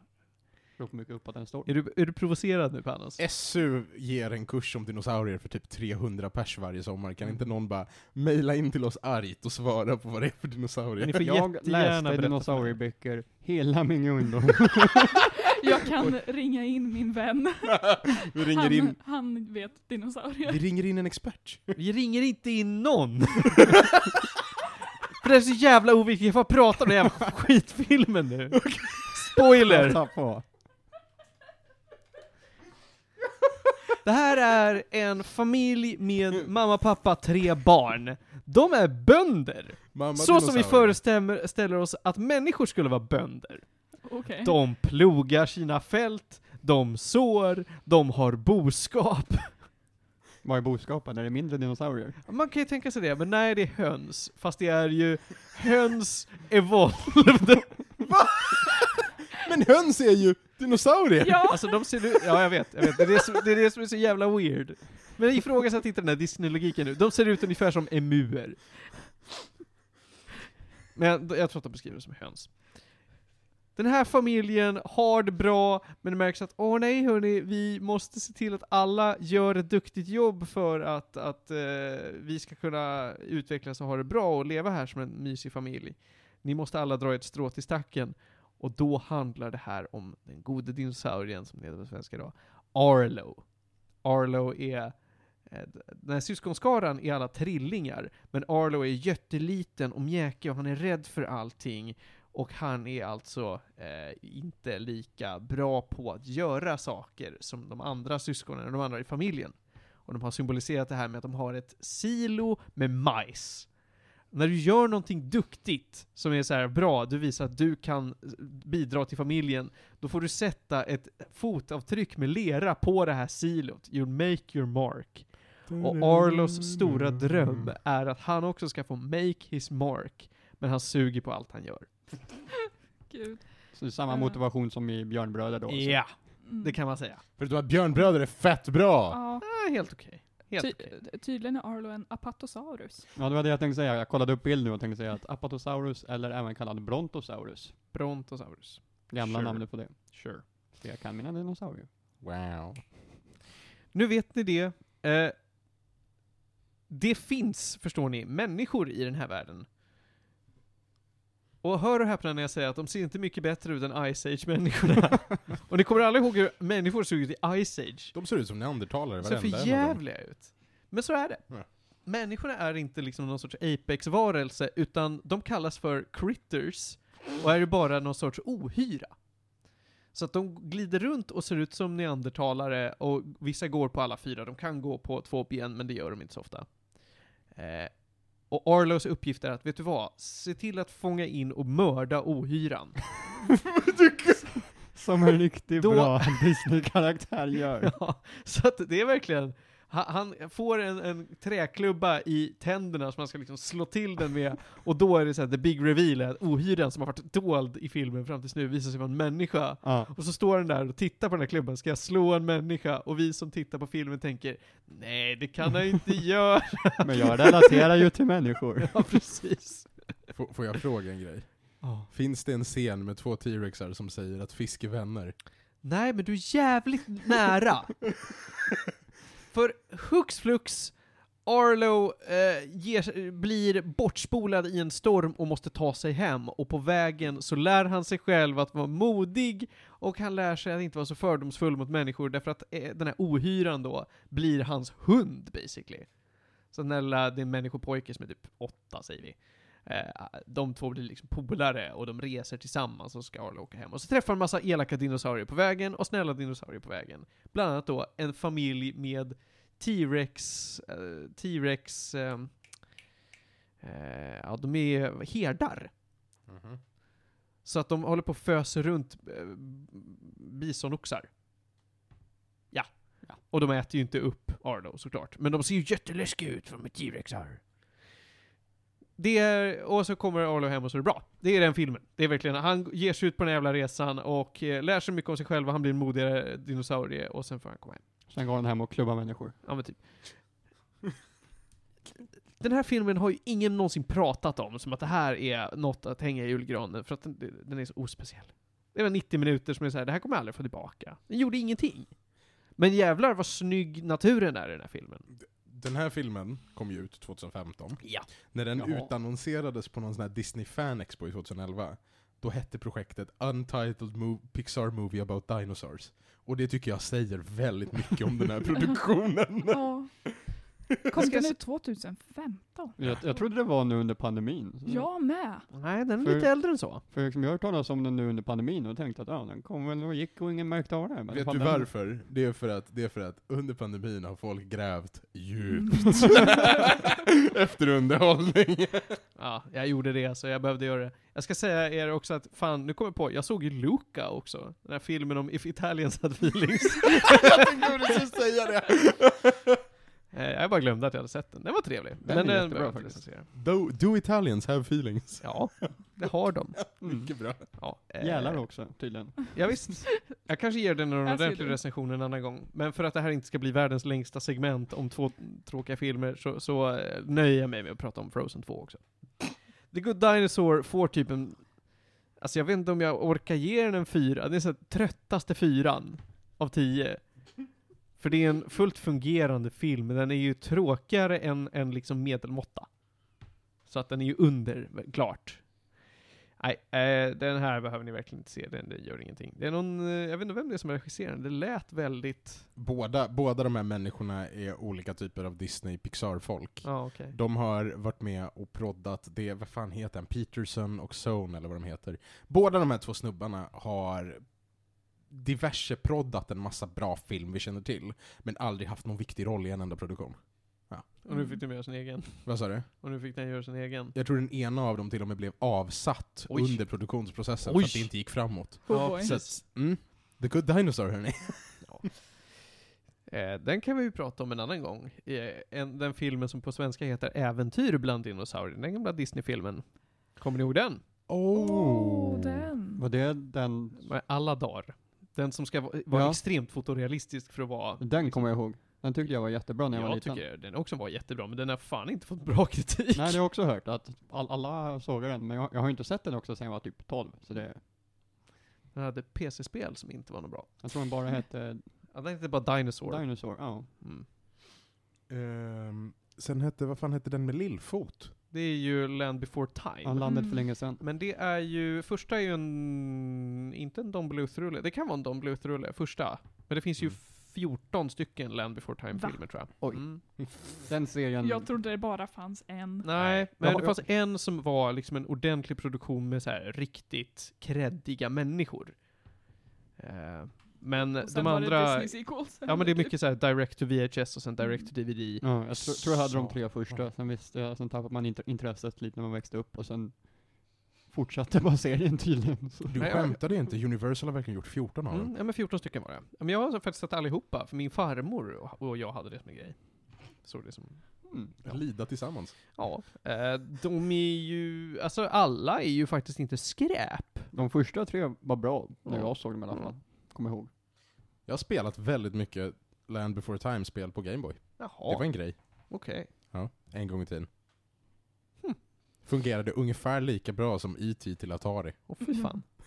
Ja, men det, alltså, det, Land before time 1 det är nog en film jag gärna skulle se om någon gång. Jag vet att jag har sett den asmånga gånger som typ femåring. Mm. Men, men alltså, jag, jag hörde att den håller. Nåväl, vi går vidare från dinosauriesnacket och pratar om Frozen 2 istället. Frozen 1 är ju beryktad som en, en Guds gåva till folket av någon jävla anledning. Jag gillar inte Frozen 1.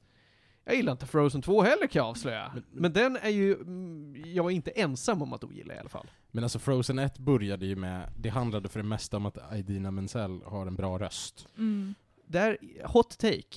Hon har en bra sångröst, men jävlar vad hon inte passar som spelar 20-åring. Eller 21 som Elsa ska vara. Absolut inte. Men, men poängen i alla fall, poängen i alla fall, det var ju det det handlade om. Och sen så blev varenda femåring i hela världen så förtjust i den här skiten att alla föräldrar har sett den 2000 miljarder gånger. Och nu Mm. gillar ingen Frozen längre.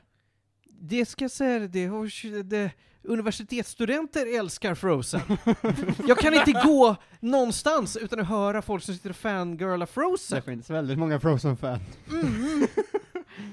Jag är så glad att jag lyckats skippa Frozen på något sätt. Alltså jag har ju kusiner som älskade Frozen, men jag behövde aldrig se Frozen. Ja, Så du har har- fortfarande inte sett den? Nej, och vid det här laget, varför ska jag? Ja, det, Den, den, den första är, jag, jag tycker jag, ganska bra så som Disney-filmen går. Och jag är nog den enda som tyckte om den andra också tror jag, men det... Alltså jag, jag tycker, jag tycker inte om någon av dem. Jag tycker nog att första var väl kanske bättre på något sätt, för, för den här känns... Den, den här får jag verkligen känslan av att de har, du har gjort en till film bara för att kapitalisera på the success av den första. Jag kan säga, de har gjort väldigt många småfilmer för Frozen. Mm. Bara för att Mm. det är populärt, så då Mm. pumpar vi ut mer. Speciellt det här om den här Snömannen, som nu tror jag får en egen serie. Ja, just det, just Ja, det. just det. Herregud. Kapitalism. Så nu, jag utgår bara från att folk har koll på Frozen 1. För att det är svårt att recensera en uppföljare som verkligen bygger på första filmen. Liksom. Eh, I slutet av Frozen 1 så lever hela gänget lyckliga alla sina dagar. Vi har ju Elsa som blir drottning över Arendelle. Vi har hennes eh, syster prinsessan Anna som har det jättetrevligt hon med.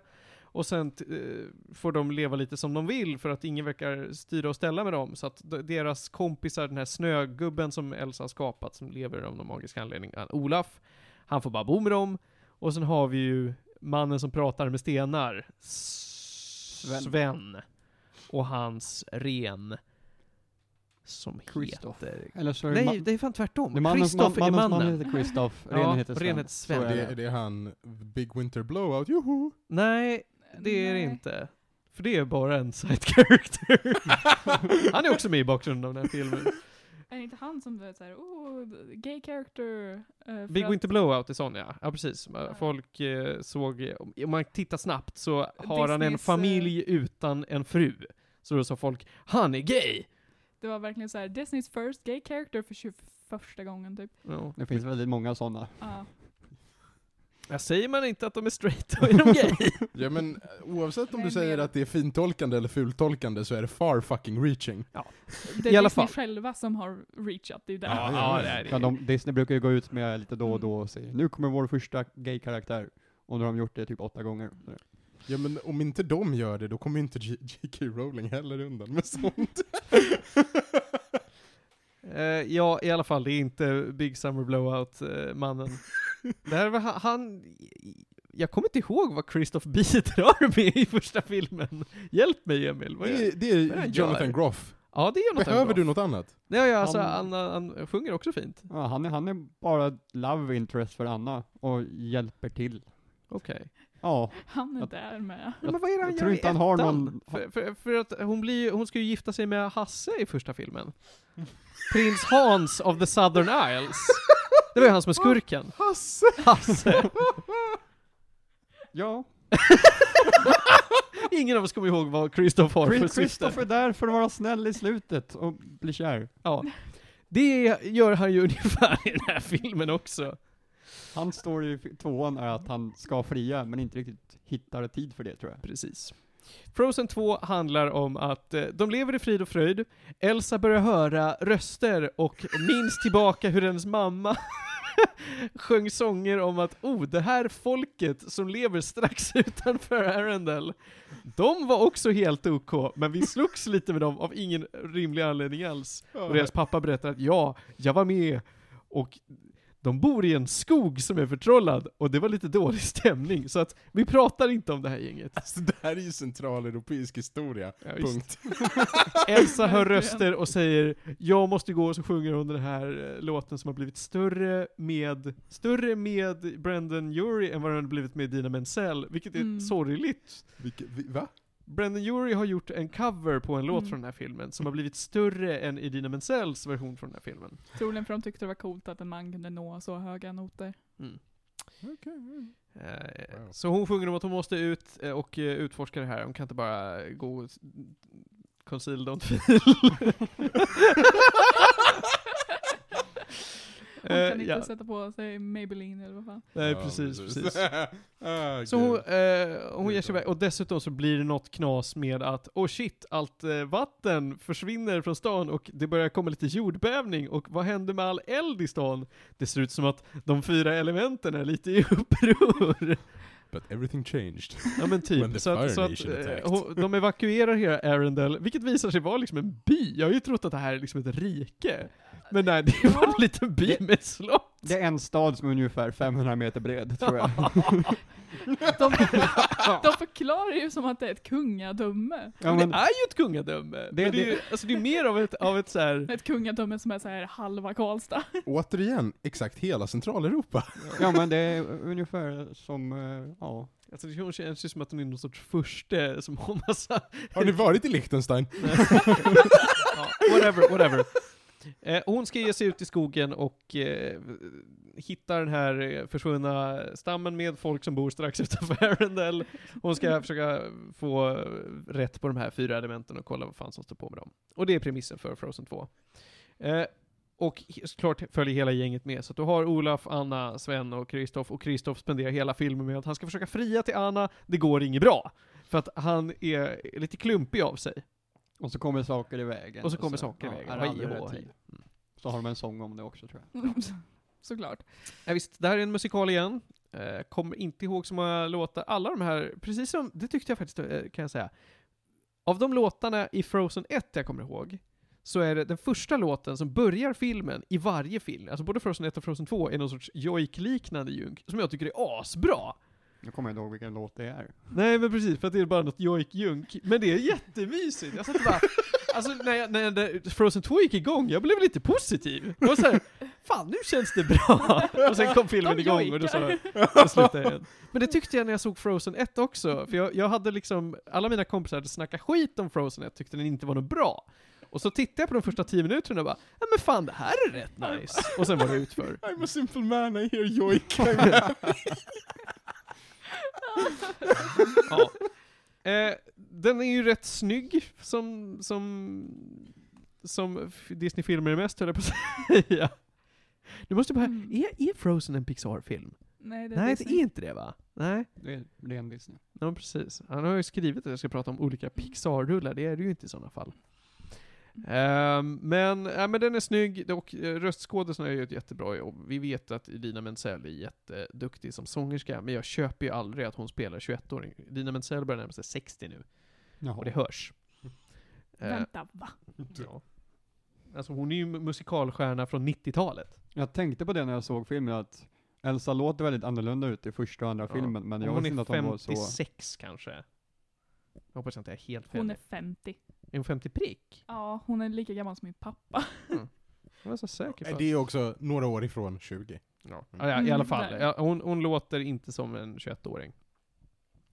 Eh, men annars så, så eh, tycker jag det görs ett bra jobb. Historien är väldigt mycket av en uppföljare-story. Det är mycket av att, men vi behöver göra någonting mer i samma universum. Det är också en liten oklar story, tror Den jag. är rätt oklar. Det Speciellt går det väldigt, här, eh, med- väldigt fort i slutet, ska Ja, jag men säga. speciellt hela den här grejen med de fyra elementen är väldigt oklar. Det här med den andra stammen är rätt straightforward. Det är bara så här, vi har krigat och nu måste vi komma över våra differences och inse att vi faktiskt kan vara vänner. Men hela den här andra delen med de fyra elementen är väldigt oklar. Ja. Jag minns inte riktigt hur det blev, men Nej men det, det ska jag inte spoila, men det, det kan vi prata om efter. För det, det, är en, det är en ganska stor, om man ska vara målgruppen för det här, vilket är då en, en eh, tjej i 11-årsåldern, då så tror jag att plot-twisten som kommer är rätt nice. Precis som att det var en ganska fet plot-twist att Hasse var ond i första filmen. För, förutom faktum att Panic at the Disco har gjort Into the Unknown, Ja. så har också Weezer gjort en version av en av de här låtarna. Har Weezer gjort en Weezer har gjort en version av Lost in the Woods som Groff sjunger i originalet. Ja, se där. Det var spännande. Alltså som, i, som i det med Ja, ja. i, i soundtrack-albumet. Precis. Ja. Ja, vad spännande. Ja, kul att Weezer får göra någonting med det. det var länge sedan vi hörde dem. Ja, nej, men, eh, men eh, det var, jag ska spoila om den här, jag tycker inte man nödvändigtvis behöver se den här. Det här är, om man verkligen älskar Frozen 1 så kan man väl se den här. Jag tror att för målgruppen är den rätt fin. så Men för, jag- för hela metaspexet. Ja, tyvärr. Men alltså, hur mår ni egentligen? Vi, du, vi har Into the Unknown som en spexlåt i år. Mm. Mm. Mm. Mm. Okej. Ja, äh, men eh, eh, målgruppen tror jag gillar det här alltså. Men jag som 25-åring som inte gillar första filmen tycker, nej, det här var ganska, jag klarar mig utan. Det finns bättre rullar jag kan se. Som, som funkar bättre för alla. Bevisligen då, till exempel då om jag ska recensera Luca nästa vecka, då tycker jag att den var ju bättre. Så är det. Jag säger att eh, Frozen 2 får kanske den är ju bättre än The Good Dinosaur. Jag tycker nästan att den var nästan bättre än medelmåtta också. Är det en femma eller en sexa? Jag kan säga fem och en halv. Fem och en halv gäddor. Den var, var en film som jag inte hatade. Frozen 2 ställde jag mig liksom på tvären, eller Fro- Frozen 1 ställde jag mig på tvären mot för att folk älskar den så mycket och jag såg så mycket fel med den. Jag tyckte verkligen inte om den. Men den här har det varit mer okej att inte tycka om och då behöver jag inte hata på den för hatandets skull liksom. Mm. Ska vara rättvis. Mm. Fem och en halv gäddor får denna. Frusna gäddor. Vi går vidare. Eh, en grej vi kan bjuda på Ja. är ju, eh, så, som vi alla vet så sitter Felix, Spelix, mannen, legenden, Filmix, eh, sitter i, eh, i karantän, i covid-19-karantän, inför att åka iväg till Amazonas. Leka i djungeln. Och ja, Um, och jag har ju bett honom att skicka hälsningar, Uh, och han har spenderat den senaste veckan med att febrilt titta på Taika Waititis piratserie.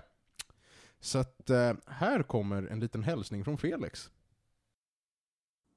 Hej allihopa, det är Felix, rapporterar in från karantänen. Jag åker nu på semester om en vecka ungefär, kommer borta ett tag från podden. Mitt inne, jag, just nu sitter jag faktiskt på mattan runt om en väska och massor med prylar. Och det är lite som att jag spelar Tetris, jag ska liksom försöka få in allting i väskan på ett smart sätt. Eh, det är det jag sitter med just nu när jag inte håller på att rapportera om det här. Men jag vill bara säga hej till alla och jag vill också ge ett filmtips, för jag har haft mycket tid nu hemma, jag har bara suttit själv. Och jag har lyckats se mycket klassisk film nu. Så här kommer ett nytt klassiskt filmtips. Och jag skulle vilja rekommendera The Conversation av Francis Ford Coppola. Kom ut 72 tror jag. Som är en av hans liksom tunga, men kanske lite mer okända film från eh, 70-talet där han gjorde allting. Jag vill inte säga för mycket om den här filmen, finns på Viaplay där man ser film. Underbart mystisk, härlig, obehaglig thriller med Gene Hackman och eh, John Cazale, vilket är en, vilken är en otrolig skådis. Jättebra, 1.40 tror jag. Ganska snabbt, inte som hans- som hans andra stora filmer. Den här är kort och god. Toppenbra thriller, starkt rekommenderar. Och jag får önska er alla en jättebra sommar. Tack för mig! Men Panos, han pratar inte något om piratserien. Nej, han gör faktiskt inte det, men han är också inte klar med den. Ja, det är fair. Ehm, men men ehm, det var en liten hälsning från Felix. Jag har bett honom att försöka fortsätta skicka hälsningar ehm, när han nu har internet. Så vi får se vad vi hör av honom i framtiden. Vi håller tummarna för fler eh, små hälsningar. Det är ju väldigt mysigt att höra att han är med på ett hörn i alla fall. Hörru Panos, ska vi prata om något mindre mysigt kanske? Jo. Ja, kan jag få höra dina åsikter om, om eh, Cyberpunk 2077 nu? Ja, nej men förra gången så sa jag det att det kändes lite som, som ett, ett GTA i framtiden. Och eh, det gör det ju fortfarande. Sen är det ett jävla välskapt GTA. Mycket mer välskapt än något av GTA-spelen om jag ska vara helt ärlig. Det är inte på nivå med Witcher. Det beror på hur man ser det. Jag tycker att GTA är mer sandbox, och sandbox har ju en tendens att kännas opolerat för att det ger mer frihet till, till liksom spelaren. Ja, men du vet ju vad är- jag tycker om Sandbox. Ja, inte. Um, alltså jag, så här. Storyn var ju inget enormt överraskande. Det var, problem uppstår. Vi löser problem. Det finns typ tre vägar att lösa problemet på. Här är de. Men jag har hört rykten från eh, Facebook Messenger om att du ändå tycker att Keanu Reeves är bra. Jag tyckte det var ganska trevligt. Um, han, han spelar ju sig själv, vilket han brukar göra. Och jag tycker om Keanu Reeves. Han är en bra actionkaraktär. Uh, jag spenderade väldigt mycket tid uh, med, med att odla uh, fram en bra, en positiv relation med, med Johnny Silverhands. Eh, så jag tycker att många av utbytena blir ganska trevliga. Ehm, och framförallt så är det också, det är en sån absurd grej där Johnny Silverhands är en karaktär från 50 år bak i 2077. Mhm. Vilket betyder att han kommer från vår tid. Hmm. Eh, och ger liksom en, ett, ett fönster in i hur fan det lyckades bli så. Som det är. För att alltså det, det är ju verkligen så här. här har de ju inte, de har inte gått 300 år fram i framtiden och sagt what if. Mm. De har gått till övermorgon och sagt kolla hur världen är. Ehm, Vi kommer vara vid liv då förhoppningsvis liksom. Antagligen kommer vi ju vara det, po- potentiellt. Med nuvarande medellivslängder kommer vi vara det. Så, att, ehm, så, så det är lite intressant. Jag tycker att den är, alltså den är ju, den är ju liksom förutsägbart dystopisk. Det är väldigt, väldigt lite av combaten jag tycker är kul. Jag tycker inte den är jätterolig. Mm. Eh, bossfighterna är miserabla för det mesta. Mm. Eh, man skulle kunna vara utan dem. Ehm, men storytellingen är kul, och karaktärerna är kul. Och för en gångs skull så kan du vara i dialog med, med andra, med NPCs i quests, och inte gå i osynk, för att de har sett till att man går i samma takt som NPCerna. Vilket är en sån här sjukt konstig grej att uppskatta, för alla spel borde klara av det. Ehm, Men icke. Icke. Um, ja, allt som allt. Alltså så här, det såg jävligt snyggt ut på PS5. Mm. Sjukt snyggt. Och jag gillar också hur alla i trafiken väjer för mig när jag kör förbi som en dåre i 300 i innerstan. Ehm, Det är där du vill. bara så jag kör i spel. Relaterbart. Ja, eller hur? Det är bara så jag kör i spel. Mm. Ehm, allt som allt, fan vad trevligt. Du känner det? Vad kul! Jag, jag tycker ju verkligen att det är fräscht att höra någon som uppskattar det här nu. För det var ju många som spelade när det kom, det funkar inte för dem, och så gav de upp och sa "Eh." Men jag har bara hört om alla buggar. Jag har knappt Mm. hört någonting om själva spelet faktiskt. Jo men, jo, men spelet funkade ju jävligt dåligt, och ibland känner man av det. Alltså det är inte lika smooth som The Witcher är. Vilket Mm. också är så här, är dumt att säga det tio år in på The Witcher 3. För att så här, nu har de ju obviously fixat allt. Mm. Men, men jag kör ju Cyberpunk på patch 1.5, vilket betyder att jag har PS5-grafik och det mesta är liksom lite tillsnyggat och sådär. Ehm, att klättra upp för en stege funkar lite sådär ibland. Man kan trilla av. Ganska roligt faktiskt. Ehm, men, men, men i övrigt så funkar det rätt bra. Och de har ju lovat två expansioner. Det Ja. har de ju. Och det skrämmer lite grann. Jag vet, eh, jag har ju vänner som fortfarande spelar 2077 eh, på PC med massa moddar och sånt. Mhm. Eh, så att det är ju ett levande modding community som finns. Men det, det kommer det bli. Mm. För, för att det, det är ju, alltså det har potenti- det hade potentialen att vara The Witcher 3 i framtiden. Sen fuckade de ju upp det. Mm. Men, men, men liksom så här. jag fattar att folk moddar det och spelar det. Det är inte helt dumt. Och att låna det och spela det idag, från, alltså utan att ens betala pengar, är potentiellt en ganska bra upplevelse. Ja, ja men det kan jag köpa. Någonting, jag vet, hur mycket av sidequests har du spelat? Jag har ändå, jag har gidrat runt med, med många av de här roliga sidekaraktärerna som är återkommande. Mm, mm. Det är väldigt mycket så här ströquest där det är så en fixer som ringer och bara 'Kom och gör det här åt mig' Ja, det hatar jag. Ja men de är ganska tråkiga. avskyr Ja. fixer som ringer dig, för det, det är ingen karaktär. Nej. Och det är inga quest heller, det är bara repeatable tasks nästan bara. Och sen låtsas det, alltså spelet låtsas som att åh, du har åstadkommit någonting nu. Ja. Eh, sånt håller jag inte på med. Jag stannar inte på gatan för brott. Sånt håller jag inte heller på med. Det får polisen sköta. Ehm, men alla de här side characters man kan bilda någon form av vänskaplig relation med, de har jag engagerat mig i liksom. Jag romansade Panem, Rimligt. Mm. Spelar du som man eller kvinna? jag spelar man. Mm. Jag har hört att det finns en mod som gör att man kan romansa Judy. Ja, det finns det säkert. Ja. Ehm, det är den enda stora förlusten med att spela man. Judy är helt klart best girl. Hon är liksom Triss Merigold, punkt slut. Mm. Ehm, men, Men du gick för Jennifer istället. jag fick Jennifer. det var det. Jag, det är, så- alltså jag tycker inte att, jag tycker det är orättvist av dig att jämföra The Witcher 3 med Cyberpunk 2077, för de är Varför så jag- jävla långt Varför gör jag den jämförelsen? Berätta för mig. Hypen? Ja, Och Det är att det är hypen. studio, och det, CD Ja men det Projekt är helt olika spel. jag vet men det, det, hypen var inte det. Nej. Nej, Hypen var att Cyberpunk kommer vara nästa Jesus, ungefär. exakt. Och inte var det det. The Witcher 3 var inte heller Jesus. Ey! Nej. The Witcher 3 är, Det är ett bra Jesus. spel, Jag kan inte säga Jesus. det, jag har inte spelat färdigt Witcher 3. Ja, jag gav upp på det. samma här. Alltså, alltså, det spelet som folk lyfter som liksom Sandbox-Jesus, som är Skyrim, Är inte Jesus. det spelet skiter ju The Witcher 3 en Guinness World Record bajskorv på. alltså, The Witcher 3 är, är Jesus om något. Hur som helst, Och det är ska, bevittnat. bevittnat. Fan, ska vi inte prata Skyrim istället? Nej, vi ska inte ha den här diskussionen. Poängen är att jag kunde få Jennifer, det vill säga Panam, som var trevlig, eller så kunde jag få River Ward. Och River Ward är, är potentiellt en jättebra romance arc, men jag, hann, jag kom till Panam först. Och då var det liksom, jag bara, nu kör jag på det här. Och det var trevligt. Det var, en, det var intressant att vara ute i the boonies och leka cowboy.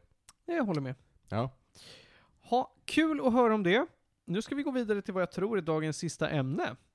Om jag inte har fel va? Komedi. Ja, visst Ja. är det så?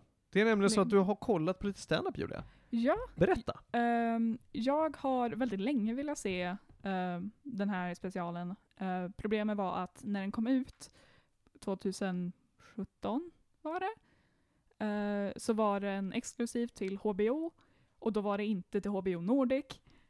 Så att den kom aldrig till Sverige. Och sen så togs den av HBO och kom bara aldrig upp på någon annan streamingservice. Så att eh, vi fick aldrig chansen att se den här. Eh, så jag valde till slut att eh, skita i det. Ehm, och har ändå nu sett den. Eh, så det jag har sett är Daniel Sloss X. Eh, jag tror det är hans senaste. Näst, han, han har släppt en till sen dess, Okej, som heter Hybris. den har jag faktiskt inte hört talas om. Ehm, men ja, eh, det här är näst sista uh, komedispecialen han har gjort. Ehm, den var väldigt bra. Alltså, jag gillar Daniel Sloss som komiker väldigt mycket överlag. Eh, han har ett väldigt intressant sätt att strukturera sina specialer. Uh, och han typ halvt gör ett skämt om det i den här. Han nämner det att ah, ofta så brukar jag försöka göra så här 75 minuter komedi, 15 minuter TED-talk när ni blir jätteobekväma och sen så lägger jag till något skämt på slutet. Uh, så den här pratar mycket om uh, allt möjligt. Han börjar med så här, ett halvt pedofilskämt. Typ. Eh, svårt att beskriva skämt på, utan att man tittar på det. Väldigt bra skämt överlag. Eh, jag skrattar väldigt mycket. Mm. Och sen hans TED-talk, ouch, pain. Ehm, Vad är temat i den här? Och vilken typ av pain var det? Eh, det var mycket om, jag vet inte riktigt hur jag ska beskriva temat. Det var lite om så här män versus kvinnor, fast inte riktigt. Eh, han försökte förklara det som att ah, jag ville att männen skulle liksom känna att så här, jag kan relatera till dem, så här, haha, ni vet inte hur kvinnor funkar, det vet inte jag heller. typ. Um, men hans TED-talk, liknande grej i slutet, um, var specifikt om våldtäkt och uh, det ämnet. Uh, han är ju lite känd för att ha rätt tunga ämnen så här, mixat med. uh, den vi såg handlar ju om hans döda syster till Just det. exempel. Eh, där det var han strukturerat helt skämt bara för att i slutet bara yeah and then she died. Eh, så han gjorde lite liknande med den här. Eh, och så pratade han mycket om så här, både hur han eh, som ja, men komiker i the entertainment industry har både varit liksom eh, unintentional perpet... Oh gud, ord, hjälp mig. Eh, Perpetutor, perpetutor. Jag vet vad du menar. Just det, det! eh, När man lyssnar på Tool, då förstår man. Hjälp. Nej men, ja, han pratar mycket om hur han som man då så här, lite har hjälpt med så här, våldtäktskultur och liknande. Eh, så det var väldigt tungt, kan man säga. Eh, men eh, det var ändå väldigt bra strukturerat skulle jag säga. Eh, jag, jag vet inte riktigt hur mycket jag kan säga om det på det sättet. För att det är en komedispecial, man behöver lite se det för att fatta skämten, för att jag kan inte berätta om dem riktigt. Det känns som så här ruins the joke. Eh, tyvärr. Men ja, alltså jag vet inte, ni är så extremt tysta just nu, jag vet inte vart jag ska gå Det är svårt här. att lägga kommentarer på Ja, skämt om våldtäktskultur. Ja. Ja, det är både det och sen så, ja, det, det är stand-up. Ja, Stand-up är svårt att recensera. det är verkligen det. Eh, jag önskar jag hade läst så här, reviews nu efter, bara för att så här, fatta hur folk gör det. Eh, typ. Men eh, jag skulle vilja rekommendera om det var lättare att se på. Eh, Hur ser man på den här? Inte. Olagligt. ja, Ja. Ja, inte. Man tar eh, och ajabaja. Ajabaja. borstar av dammet från sin pirathatt. Typ. Jag har, Togs aldrig av. jag har bara en cowboyhatt. Jiha. Jiha. Ja. Ehm, det är synd, för hans tidigare specialer har ju alla varit på Netflix och ligger fortfarande kvar på Netflix. Så jag vet inte varför HBO valde att ett göra en så här, exclusive som bara skulle vara på HBO Max när det inte fanns här. Eh, och sen bara släppa den licensen när det var deras egna produktion. Det känns som att de kunde lika gärna ha hållit i den. Ibland får man en bra deal som man bara inte kan tacka nej till. I guess. Ja men alltså, jag menar mer varför skulle HBO släppa sin egna licens? Ja, det vet jag inte. Men det kanske var att de gjorde den dealen med honom. Ja, I don't know. det. Det är synd. Någon kanske plockar upp den. Vem vet. Ja. Kommer ligga på Hulu. Eh, Men då så, kul. Vill du ge den här specialen någon form av gäddor? jag skulle säga en stark åtta ändå. Alltså Som en sagt- stark åtta säger ju, alltså så här. Vi försöker att inte endorsa Jar Har, eller hur? Så det är korrekt, ja. Vi håller inte på med piratande här Panos. Mycket bra. Tack Martin, tack för förtydligandet. Men en stark åtta, det ger mig impulser! det är sällan en stand-up är en stark åtta, titta inte på mig sådär. Jag tittar på Panos med en sån här anklagande blick. Jag vill uppleva en stark åtta. Alltså, jag gillar ju Dinosaurs tidigare komedispecialer, så att det kan ju så här, vara min bias på så sätt. Har du sett dem tidigare? Nej, men jag gör så här. Jag, jag ger mig in på i alla fall en lagligen. Ja, men Mm. tänk om du kanske bara hittar ett USB-minne på gatan, och så ligger Dinosaurs X där. Tänkte säga, nu är dådet redan gjort. Så nu. Enda gången jag hittat något kul på gatan hittade jag 400 spänn. Det är kul. Och jag var nio år gammal och det blev Kalle Ankas pocket för hela slant. Det var inte dit jag trodde det där meningen skulle sluta. Hade jag lagt dem i en indexfond, då... Jag la ju dem på bitcoin va, så att jag är miljardär. Tänkte mer på meningen enda gången jag hittade någonting kul på gatan. Ja, det var, det var också vad jag tänkte. Du hittar porr, Nej, men det, du hittar hittar den man, första TikTok. det hittar man i skogen Martin, vi Ja. är i Sverige. Du har aldrig varit i skogen och hittat porr. Jag har aldrig varit i skogen. Punkt. Jag trodde du menade att man hittade TikTok i skogen. Ja, men, alltså... Hey kids, wanna see some TikToks? Okej, jag, ska, jag ska titta på lite laglig Mm. Da- Daniel Sloss först. Och så kan vi höra om det här igen nästa avsnitt. Ja, gör det. Ja, då blir jag också intresserad. Jag ska också ska kolla på ett lagligt först. Först lagligt. Ja. Men vi börjar i den Han är änden. bra, han är bra. Eh, som sagt, jag tror att de finns på Netflix fortfarande. Och med de orden så har det blivit dags att gå till vår sista programpunkt. Är det någon som kommer ihåg vad det är? Tre snabba.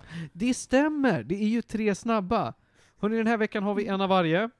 Först så måste jag ju såklart göra lite skamlös plugg för mig själv och säga, hörni, biljetterna till Metaspexet 2022 har ju släppts va? Kan man komma och titta på. Mm. Väldigt trevligt. Föreställningen är 21 och 22 maj på Playhouse Teater på Drottninggatan. Biljetter finns på konfetti.metaspexet.se. Så är det med det. Eh, sen så, eh, ett band. Då kan jag också plugga min egen klasskompis faktiskt. Därför att jag pratade med Karl-Axel när vi var och såg Tool-konserten om vem som var mest känd i respektives klass. Mm. Jag ska prata mer efter sändningen om kändisar som har relationer till Karl-Axel. Det var väldigt roligt. Och vad har jag? Jo, jag har en tjej i min klass som eh, har ett band. Och jag har inte lyssnat på det här bandet så mycket. Jag lyssnade en gång hemma hos Emil när jag var full. så att jag skrev till Emil, vad heter Kristins band nu igen? Diablo Swing Orchestra. Mhm. Vad är det här för genre? Det är lite det det står i namnet. Så det är Precis. swing metal, typ. I'm intrigued. Och så gick jag in och kollade, de har ju typ så här consistently ett par hundratusen lyssningar i månaden på sina låtar som är ju rätt stora. Men de turnerar. Ja, precis. Eh, så att det är fortfarande oklart vem som är mest känd klasskompis. Men ja, ja, men de tycker i alla fall, alltså jag lyssnar på ett par låtar och bara fan det här svänger ändå ordentligt. Det, det är inte, swing för inte. Eh, alltså det var riktigt fett. Diablo Swing Orchestra finns där man lyssnar på musik, alltså Spotify. Lyssnar ni på YouTube Music? Vad fan håller ni på med? Apple Music Tidal. finns ju också. Ja, för den stackaren alltså. Har du för mycket pengar att, att göra av med? Ja, Apple Music är just för dig. Eh, till slut så ska jag säga att jag hade en väldigt spännande laboration i en kurs den här veckan. Då fick jag spela Playstation 5 för att prova på vilka coola haptiska möjligheter man kunde finna i den. Och då har du spelat Felix spelat- favoritspel. Då har jag spelat Felix favoritspel, Astros Playroom, som är en sorts typ tech-demo för P- Playstation 5. Eh, det var 90 minuter av eh, rolig plattforming och otroligt coola kontroll, alltså, alltså feedbacken man får från en PS5-kontroll. Wow. Jag har ju bara testat på att spela lite Assassin's Creed hemma hos dig Panos. Ja. Den gjorde inte kontrollen rättvisa. Nej, medans typ Cyberpunk, då har de integrerat den. Oh. Så att varje gång jag kör som en idiot i 300 i innerstan, Då känns det. jag känner underlaget. Oh, väldigt spännande. Alltså, DualSense-kontrollen är bra hårdvara. Mm. Så så är det. Att skaffa ett PS5. S- don't sleep on, don't sleep on Astros Playroom. Det var väldigt mysigt. Det ligger ju bara där. Skaffa ett PS5 säger han, tillbaka till det olagliga. Precis. Fan. You wouldn't download the PS5. You wouldn't råna en Sony-konvoj. Va? Mm. Ah. Hörrni. Ja. Med de orden så får vi tacka för den här veckan helt enkelt. Det var jättemysigt att ha er här. Ett avsnitt där vi håller tidtabellen ungefär.